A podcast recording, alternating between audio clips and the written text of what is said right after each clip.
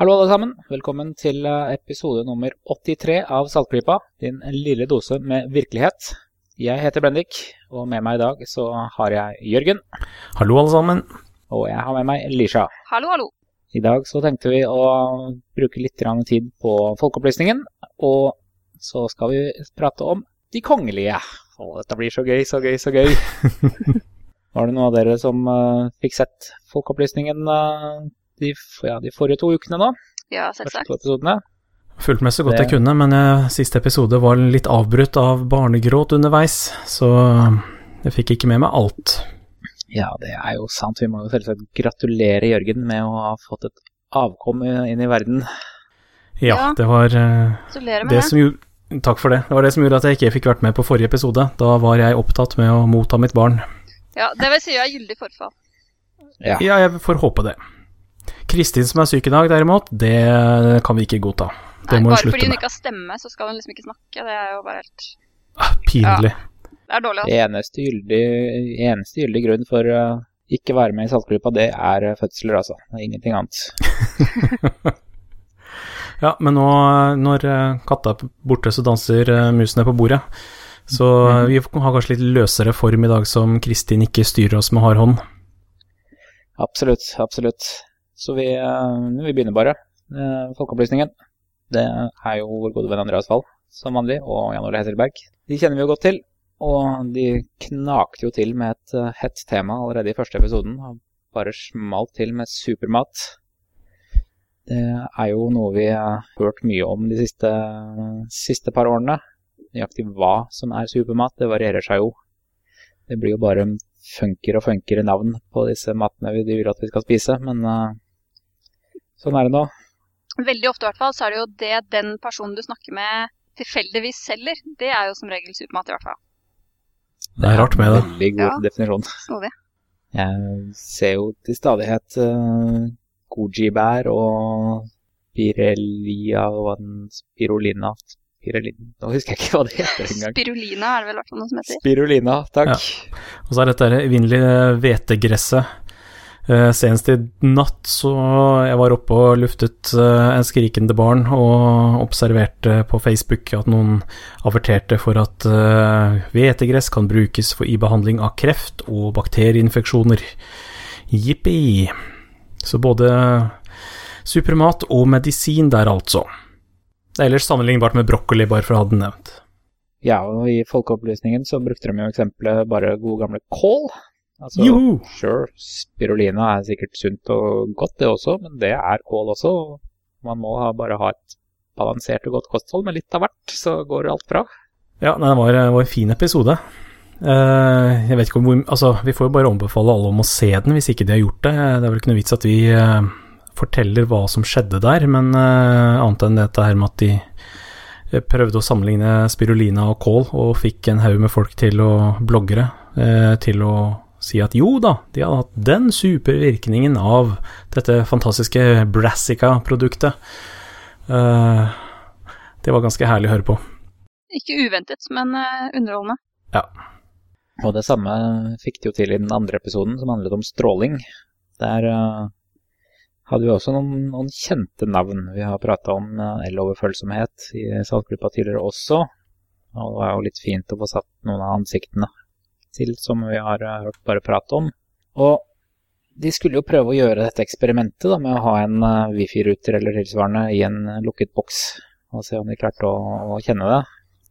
Burde jo være et enkelt eksperiment, egentlig. Det er et veldig enkelt eksperiment. Det er så enkelt så at uh... Enklere blir det ikke, rett og slett. Nei, det, det blir ikke enklere. Og jeg syns jo det var veldig passende og underholdende at i episoden så sa hun lederen for uh, El-overfølsomhetsforening eh, at de hadde prøvd et par generalprøver selv, og fikk det ikke til å oppdage den.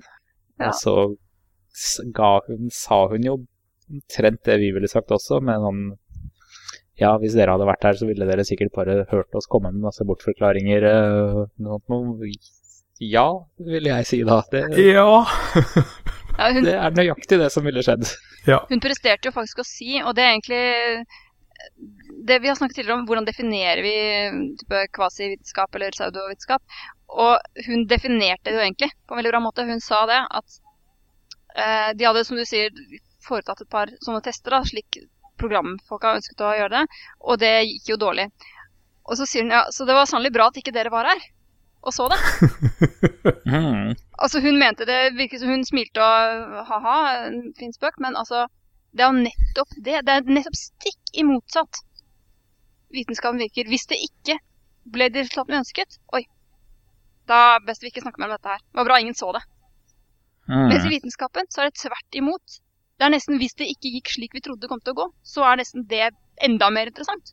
Og man vil i hvert fall ikke skjule det og bare late som det ikke skjedde, og sannelig bra at ikke noen professorer så dette. En sånn apropos, så, er jo det en sak som veldig ofte skjer innen medisinsk forskning især. Ifølge Ben Goldacre sin bok eh, Bad Pharma. At eh, veldig ofte så får, gjør man eh, forsøk med legemidler, og så får man ikke det resultatet man hadde lyst på, og så bare skrinlegger man hele greia. Og dermed så får man bare publisert positive forskningsresultater, og aldri de som eh, er negative. Men der, når det gjelder legemidler, så er jo det en litt spesiell situasjon, for der har du det hvis du ikke får det resultatet du er ute etter. Resultatet du er ute etter er jo at det virker. Og det er klart, hvis resultatet tyder på at det ikke virker, så går det jo ikke videre med den forskningen.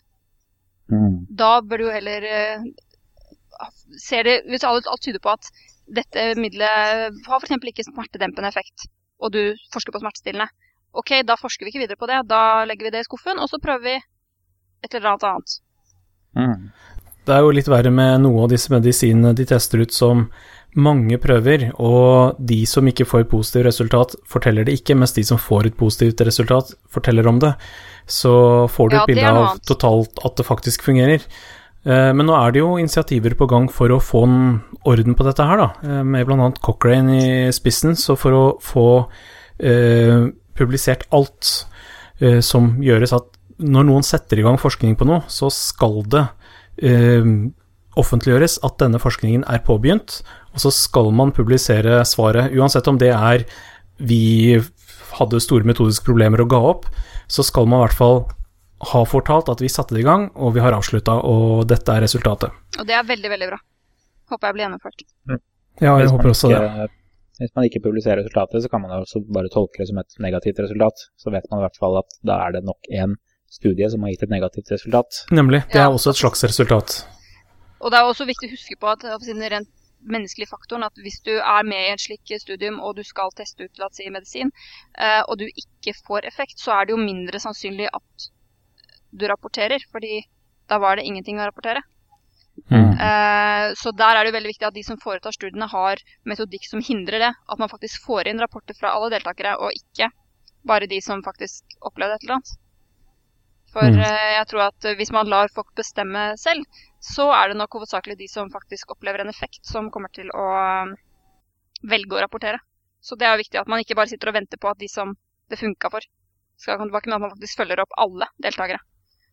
Men For å gå tilbake til hva de uh, prata om på selve showet om stråling, så intervjua de jo en uh, førsteamanuensis i fysikk ved Universitetet i, i Oslo. Som jeg nå akkurat nå ikke husker navnet på. Jeg har jo selvsagt ikke notert det. Men uh, en, en fyr, da. uh, En fyr som veit hva han snakker om. Ja, som, som tidligere mente at han var elfølsom, han også. Men så gjorde han et uh, ordentlig dobbeltblindet eksperiment på seg selv.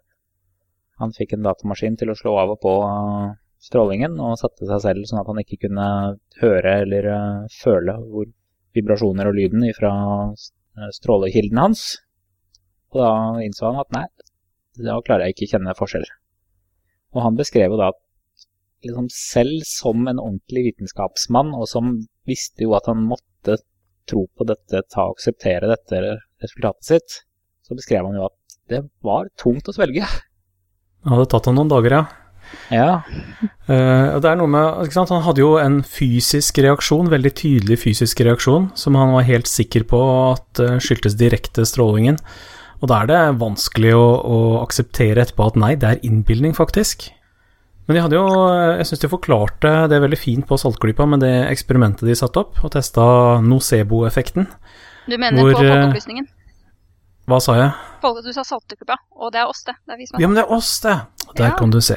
Sånn ser du når man får en unge, vet du, så slutter man å sove, og da går det i ball oppi knotten. Ja, vi skylder på det. Ja, vi skylder på det. Um, jo, men i hvert fall eksperimentet var veldig fint, hvor de tilsynelatende utsatte folk for uh, stråling i høyere doser enn det som var tillatt før, og så skulle de liksom bevege seg tilbake og vekk hvis det ble for mye.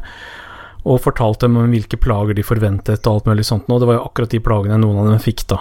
Uh, Ja, to av de seks eh, personene som var med på det eksperimentet, sa jo at de ble jo svimle og holdt nesten på å besvime og greier. ja, og kvalme. Så ganske effektivt. Men det som var litt morsomt, at jeg kom på en eh, historie som jeg opplevde for ganske mange år siden, som jeg ikke har tenkt over at er nocebo-effekt, men det var litt gøy. På folkehøyskolen så Ja, det er ofte litt utsvevende liv blant enkelte på en folkehøyskole. Eh, og så var det på en sånn eh, type Ord for dagen-samling at eh, en av elevene reiste seg opp og sa at eh, jeg har en veldig viktig annonsering. Det som alle sikkert, eh, eller som mange har fått med seg nå, så er det en epidemi av flatlus. Og begynte å legge ut om hvilke midler man skulle kjøpe på apoteket hvis man kjente at det klødde og sånt noe.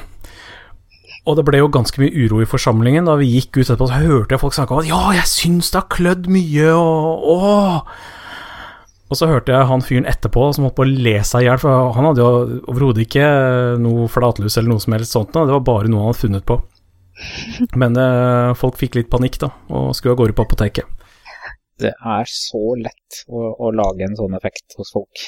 Det, hvis noen har lyst til å messe med vennene sine, så er det bare å starte sine rykter. Ja, men altså, Man trenger ikke egentlig messe med folk, det, skjer selv om du er bevisst på det. Eh, I fjor så fikk jeg innkalling til tannlegen min får jeg hver høst, og da hadde han funnet en time som var eh, Ja, den passa ikke, da, for jeg kom til å være i India den dagen. Så den kunne jeg ikke. Eh, så ringte jeg dem og sa at jeg kan ikke komme på den timen, jeg må ha en annen time. Og da håpet jeg at de skulle gi meg en time før jeg dro på denne turen. For jeg tenkte det er jo det er greit å få sjekka det før man drar. Jeg orker ikke å løpe rundt i Jaipur eller Agra eller whatever og lete etter en tannlege, liksom. Eh, det virker uheldig. Men det kunne de ikke. De fant en time etter, da. Et par uker etter at jeg kom hjem. Og da, den kvelden, står og pusser tennene og tanntråd og greier, så kjenner jeg at det er liksom ikke noe som murrer. Hvorfor har jeg liksom ikke noe her? Er det ikke et eller annet her? Pokker, du burde sjekke. Og da, jeg følte virkelig sånn liten begynnende, ikke akkurat smerte, men det som liksom kommer før du får vondt i for å si det sånn. Og det er jo bare tull. Det var bare fordi jeg hadde fått litt uh, kortsiktig panikk og tanke på at jeg burde sikkert ha vært hos tannlegen før jeg reiste til et u-land. Um, det var jo ingenting. Og når, ganske riktig når jeg var hos tannlegen etter turen, så var det ingenting.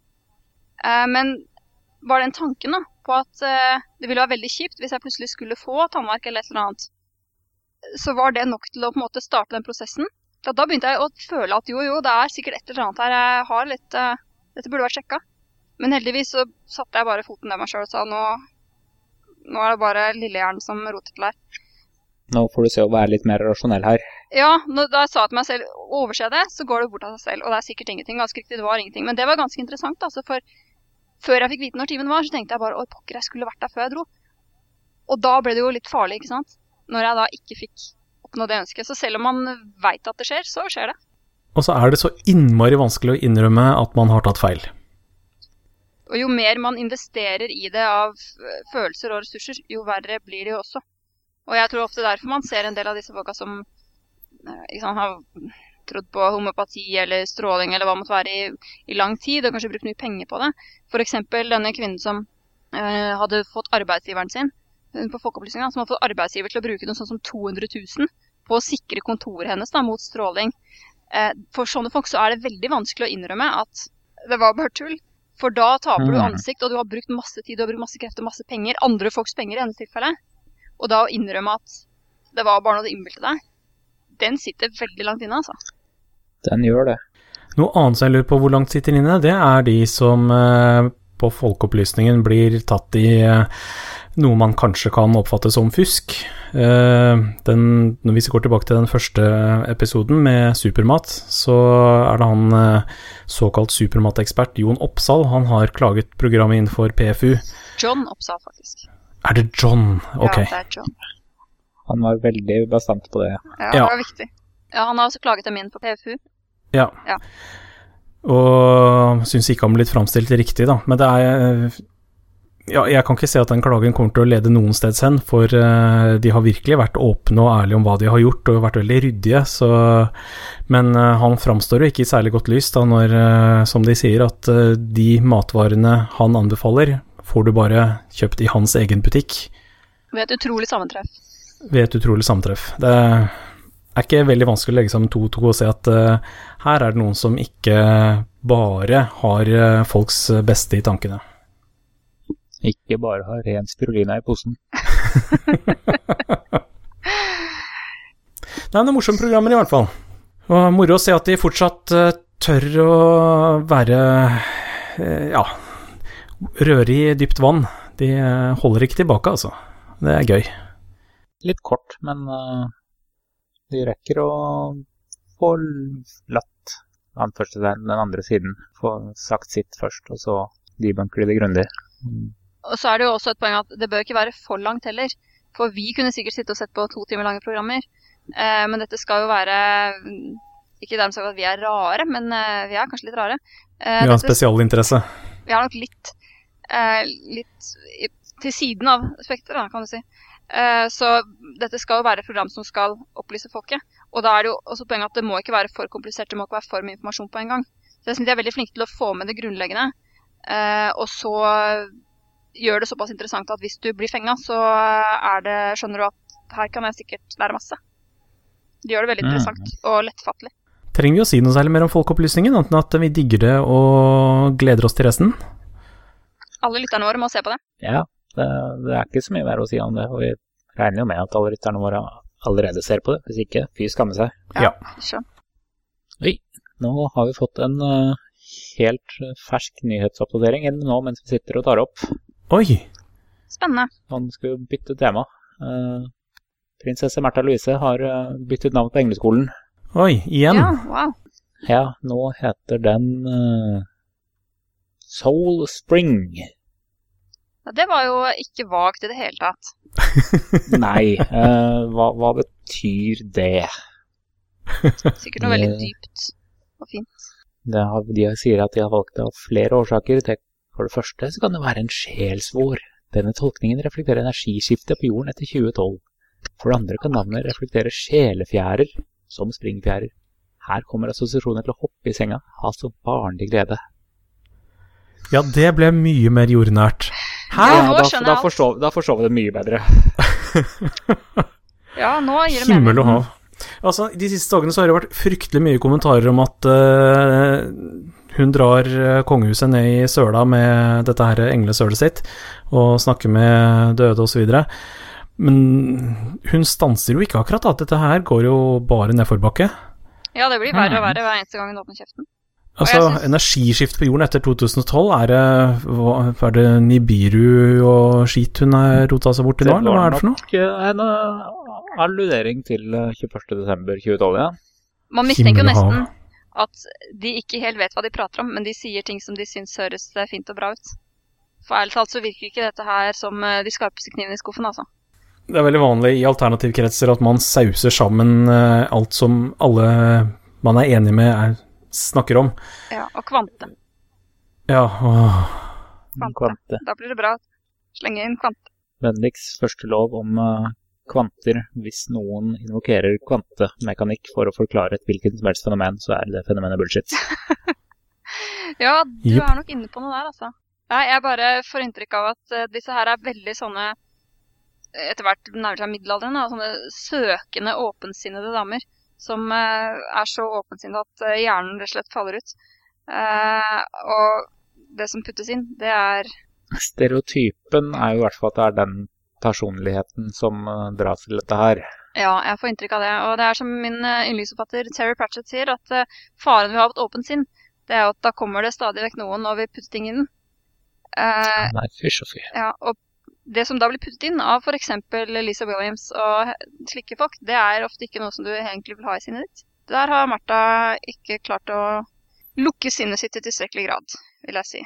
For her har de åpenbart falt for både det ene og det andre. Men det er klart, det er en del penger i dette. Mye penger. Hun er jo nødt til å tjene til sitt eget livsopphold nå, da, som apanasjen er eh, en saga blått.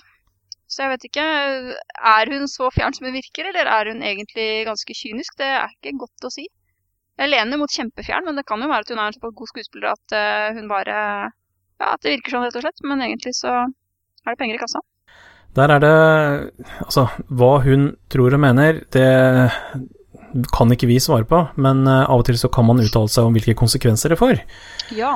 Og jeg leste en blogg av uh, Carl Bore, som er advokat, om uh, hvilke sjanser det er for å saksøke prinsessa for å ikke ha fått den tjenesten de har solgt til dette her seminaret med Lisa Williams. Mm.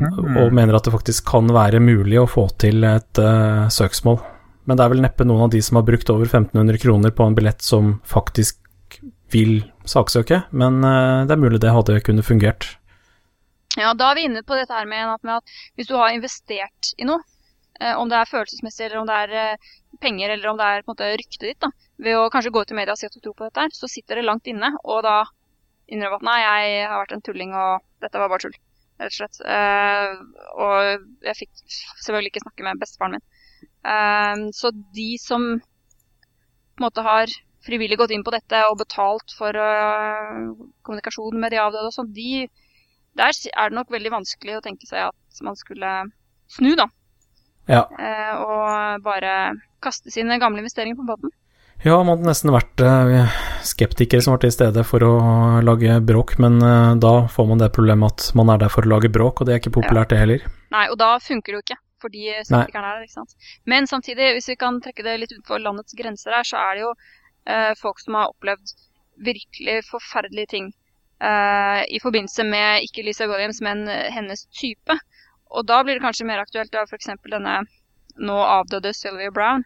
Hun presterte jo å si til et uh, foreldrepar som hadde mistet sin datter, eller hun ble kidnappet fra, fra gata der de bodde, ute og lekte hun var fem der omkring. Uh, hun ble kidnappet, og Sylvia Brown sa til dem Hun lever fortsatt.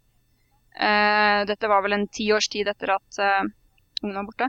Hun lever fortsatt. Hun er i et eller annet asiatisk land hvor hun er involvert i en slags hvit slavehandel og prostitusjon.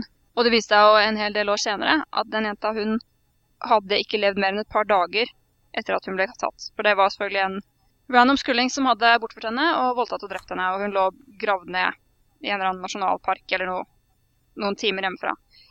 Men det var flere år fra det at Sylvie Brown kom med denne spådommen da, og kommuniserte med denne jentas ånd, eller whatever, um, og til dette ble funnet ut. Og jeg kan ikke forestille meg hvilke helvetes pinsler de foreldrene har gått gjennom når de har trodd at datteren var i live et eller annet sted der ute og ble utsatt for gud vet hva, og de selvsagt ikke kunne hjelpe henne.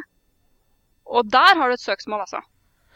Ja, da har jeg jo vært flere sånne saker, men om det faktisk blir noe søksmål av det, det er jeg skeptisk til. Ja, men det, du har grunnlag, bedre grunnlag for det enn om noen sa at hun kunne snakke med bestefaren din og du ikke fikk det, liksom. Altså, ja. Noen ganger så er det faktisk helt konkret lidelse eh, som blir resultatet av dette her. Og det er litt for lett å si at i akkurat dette tilfellet så foregår det ikke slikt. For det at Lisa Williams for eksempel, da, eh, liksom snakker med de døde, det legitimerer jo alle andre som driver på med det samme.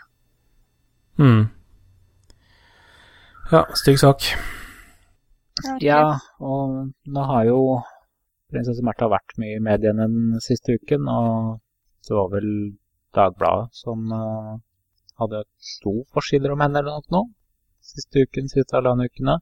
Og kudos til Dagbladet i hvert fall, som, uh, som vi pleier å mobbe fordi de uh, ikke har gjort ting slik vi mener det burde gjøres. Men så nå har vi jo fått sparka i gang den uh, der igjen, men det er ingen There is no bad publicity, er det ikke det det heter? da? Jo, de sier sånn. Men det kan virke som om mediene i det siste har begynt å ta seg litt opp og begynner å omtale påståtte synske nettopp som påståtte synske, og ikke som synske. Ja, det, ja. det er sant. Så i hvert fall litt oftere enn før, tror jeg. Så det kan hende noe er i ferd med å skje, altså. Ja, vi kan håpe det. Så jeg får håpe det ikke bare er at det er eh, godt nyhetsstoff og disse prinsessa, men at de faktisk er kritiske til det hun gjør. Det håper jeg. Ja, akkurat i tilfellet Märtha så er det jo nå såpass fjernt Altså, si Snåsamannen, som Dagbladet er helt ukritiske til, så Mm. er det jo Hvis man skulle velge en av disse to å tro på, så ville jeg absolutt velge Snåsamannen. Ikke sant? Han føler på seg at eh, nøklene dine ligger eh, under godstolen, ikke sant. Eh, du har kanskje vondt i ryggen. OK? Det er liksom Det er litt mer sånn uh, innafor folketroen, da, kan du si. Ja. Men når man begynner å importere utenlandske medier som eh, føler på seg at eh, bestefaren din svever over vannet og vil si at eh, han har det fint liksom. altså, Det Märtha driver med, det begynner å bli såpass far out at jeg tror kanskje det er lettere å se det for hva det er, da. Ja. Ja, kanskje du har rett der. Hun er jo sprø. Snåsamannen er litt rar, liksom. Men Martha er jo Ja. sprø. Og det sier jeg som rojalist, altså. Det er, det er ikke noe hets mot kongefamilien. Jeg er stor tilhenger av monarkiet. Men det har sine sider.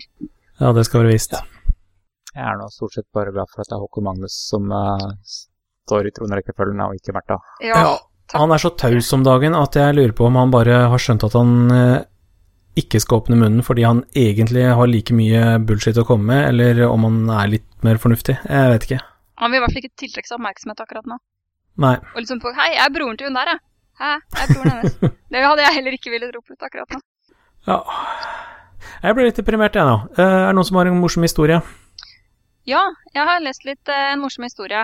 Den er ikke så ny, men jeg har først lest om den nå. Jeg er, ikke, jeg er ikke så interessert i katter, men jeg er litt interessert i katter når det dukker opp noen søte ting. Og det som Mhm. gjør det nytt nå, det er at noen har laget en eh, sjarmerende infographic om det. Eh, så da fenget min oppmerksomhet. Eh, det er nemlig forskning som tyder på at katter de eh, Det er jo, vet man jo da, at det å ha kjæledyr, det er bra for helsa. Men nå begynner man å lure på om katter faktisk rent rent konkret da, eh, kan være bra for helsa. Eh, ved at malingen deres rett og slett er i Det er helsefremmende. De maler Når malingen ligger mellom 20 og 140 hertz, så er det vibrasjoner, da. Eh, og nå har jeg hørt, nå skal jeg ikke si om kvante, men det høres jo litt sånn den ut. Men eh, det er faktisk Det er forskning. vibrasjoner er, kan også ekstrapoleres til en, eh, en bullshit-lov. Ja, det kan det. Men når katter maler, så er det jo vibrasjoner. Det vet vi jo alle. Faktisk, mm. De genererer vibrasjoner. Og det kan være terapeutisk, da, for eh, det er stress, det er eh, dyspné, altså sånn pusteproblemer. Eh, det kan redusere risikoen for hjerteinfarkt. Og det kan helbrede beinbrudd. For man mener jo at katter de har liksom ni liv, ikke sant? Og de tåler hva som helst. Slipp ned fra taket. Ja. De lander på beina, alt går bra. Eh, men det kan faktisk være noe i det, da, at de er såpass seige. fordi det man ser er at eh, Vi tenker gjerne at de maler når de koser seg. Men de gjør ikke bare det. De maler også når de har det skikkelig kjipt, når de for er hos veterinæren. Så er det typisk at da maler katten, ikke sant. Og da Jeg syns de kattene jeg har vært borti, de som maler, de maler hele tida. Ja, Jeg trodde liksom at det var bare en vibrasjon som oppsto av pusten deres omtrent. Nei, de gjør det ofte. En, en kattemor som eh, ammer ungene sine, hun maler som regel.